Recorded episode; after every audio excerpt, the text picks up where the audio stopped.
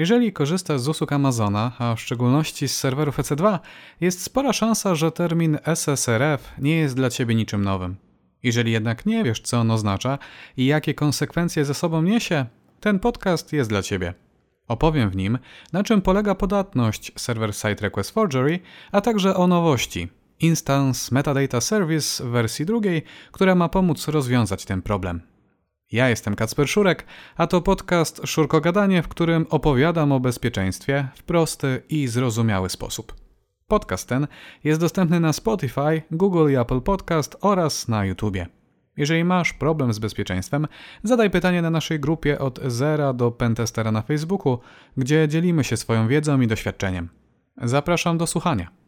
EC2 pozwala na tworzenie w locie wirtualnych instancji serwerów, które mogą być przez nas używane do różnorakich celów. Powoli odchodzi się od aplikacji, w których wszystko dzieje się na jednej maszynie. Nadchodzi czas mikroserwisów, gdzie każda niewielka funkcjonalność zaimplementowana jest jako osobny byt. Takie podejście ma wiele plusów, ale za nimi podążają nowe problemy, które trzeba rozwiązać. Jak bowiem zarządzać hasłami i kluczami API w tak dynamicznie zmieniającym się środowisku? Wpisywanie haseł na sztywno w kodzie aplikacji to nie jest najlepszy pomysł. Każdorazowa zmiana hasła bowiem wymagałaby restartu aplikacji.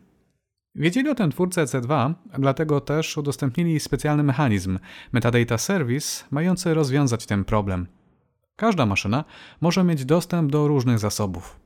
Kiedy zajdzie konieczność korzystania z nich, nie będzie mogła bezpośrednio się do nich odwołać, ale wcześniej musi wykonać jedną dodatkową czynność. Najpierw wysyła żądanie do Metadata Service, a usługa ta zwraca odpowiednie klucze, które następnie mogą być używane przez aplikację. Czyli jeżeli chcemy umieścić jakiś plik w usłudze S3, nasza aplikacja najpierw łączy się z Metadata Service, a następnie, wykorzystując tak zdobyte informacje, może połączyć się z usługą S3. Metadata Service jest dostępny pod konkretnym adresem IP, takim samym dla wszystkich maszyn – jest to 169.250.169.254. Jak na razie wszystko wydaje się być w porządku, no ale przecież jest to podcast o bezpieczeństwie. I tu do gry wchodzi SSRF, czyli Server Side Request Forgery. Na świecie istnieją bowiem różne aplikacje robiące różne rzeczy. Część z tych aplikacji może dla przykładu pobierać od użytkownika adres strony, a następnie wyświetlać jej treść. Jest to więc swego rodzaju serwer proxy, który to może dla przykładu być używany w celu ominięcia cenzury lub też geolokalizacji. Niektóre strony bowiem działają jedynie gdy klient łączy się ze specyficznego rejonu świata. Programista, udostępniając taką funkcjonalność, może pozwolić na wyświetlanie takiej strony również innym użytkownikom. I tutaj dochodzimy do sedna problemu. Jeżeli użytkownik może podać dowolny adres, może też podać adres, pod którym dostępne są dane z Metadata Service taki oto sposób pozyskuje dostęp do danych umożliwiających dostęp do zasobów, do których dostęp ma konkretna instancja EC2. A to jest niebezpieczne. Błędy tego rodzaju są coraz popularniejsze, a to wszystko za sprawą rosnącej popularności rozwiązań chmurowych. Jeżeli jesteś zatem programistą, co powinieneś zrobić? Istnieją odpowiednie narzędzia, które sprawdzają wprowadzany przez użytkownika adres i weryfikują, czy czasem nie należy on do Metadata Service. To dobre rozwiązanie, ale ma jeden minus. Programista musi być świadomy, że jego kod może być użyty do ataku SSRF. W innym bowiem wypadku nie użyje odpowiedniej biblioteki. Z drugiej strony, nie można filtrować wszystkich danych wprowadzanych przez użytkownika gdziekolwiek, bo to po prostu nie ma sensu. Nie jest możliwe zatem globalne zabezpieczenie się poprzez używanie jakichś frameworków.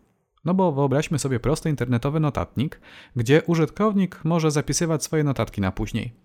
Gdybyśmy poszukiwali adresów IP w każdej notatce, niemożliwe byłoby stworzenie notatki na temat błędu SSRF, w którym znajdowałby się konkretny adres IP, a przecież nie o to chodzi. No i po paru latach Amazon zauważył, jak naglący jest to problem i zaproponował nowe rozwiązanie. Nazwano je IMDS V2, jednocześnie pozostawiono starą wersję V1, ponieważ nowa wprowadza niekompatybilne zmiany. Na czym więc one polegają? Problemem w SSRF są miejsca w kodzie strony, które przyjmują adres, a następnie pobierają z niego treść i wyświetlają ją użytkownikowi. Tylko, że przesyłając jakieś dane w internecie, możemy użyć kilku rodzajów metod. Najpopularniejsza to GET, kiedy to wszystkie podane przez nas parametry są widoczne w adresie URL w przeglądarce. Takie rozwiązanie nie jest jednak najwygodniejsze podczas przesyłania większej ilości informacji, stąd też metoda POST. W przypadku błędów SSRF użytkownik zazwyczaj kontroluje adres, ale rzadko zdarza się, aby miał wpływ na metodę, która zostanie użyta. Amazon postanowił więc skorzystać z rzadkiej metody PUT. Teraz nasza aplikacja podczas pierwszego kontaktu z Metadata Service musi połączyć się korzystając właśnie z tej metody. Żeby było jeszcze trudniej, musi także dołączyć specjalny nagłówek XAWS EC2 Metadata Token TTL Seconds. Tylko tak skonstruowane żądanie zwróci w odpowiedzi specjalny token ważny przez określoną w nagłówku ilość sekund. Teraz można już łączyć się z Metadata Service w normalny sposób, tak jak robiono to wcześniej, czyli poprzez metodę GET. Wymagane jest jednak umieszczenie pobranego wcześniej ciągu znaków w nagłówku XAWS EC2 Metadata Token. Cały ten mechanizm można więc porównać do pewnego rodzaju logowania. Najpierw weryfikujemy, czy mamy dostateczne uprawnienia, aby korzystać z usługi. W tym wypadku, czy możemy łączyć się korzystając z metody PUT, a także czy możemy dodać do żądania odpowiedni nagłówek. Amazon weryfikuje, czy wszystko się zgadza i w odpowiedzi zwraca nam token. Teraz każde kolejne żądanie musi być tym tokenem potwierdzone. Ale to nie wszystko. Postanowiono zabezpieczyć się jeszcze przed dodatkowymi atakami. Obecnie popularne są serwery reverse proxy. W normalnym podejściu do oprogramowania login i hasło użytkownika musi być sprawdzane na każdym serwerze z osobna. Jeżeli więc mamy kilka serwerów, mamy ten sam kawałek kodu w wielu różnych miejscach, co niezbyt dobrze się skaluje. W nowoczesnym podejściu użytkownik łączy się jedynie z jednym serwerem, który sprawdza jego login i hasło i jeżeli wszystko się zgadza, przekazuje żądanie dalej do odpowiedniego serwera. A więc serwer widoczny z przodu jest kluczowy dla bezpieczeństwa. Inne serwery bowiem nie mają jak zweryfikować danych, które od niego otrzymały.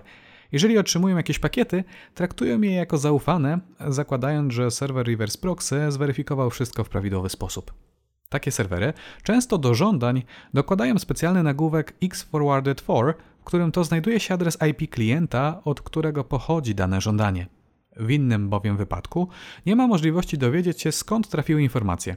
Wszak serwer reverse proxy pośredniczy w całej wymianie, a więc to jego adres IP jest widoczny dla serwera aplikacji. Przypadku błędnie skonfigurowanych serwerów reverse proxy możliwe było pobranie danych z metadata service. Wystarczyło tylko przekonać taki serwer, że chcemy się połączyć właśnie z tą usługą.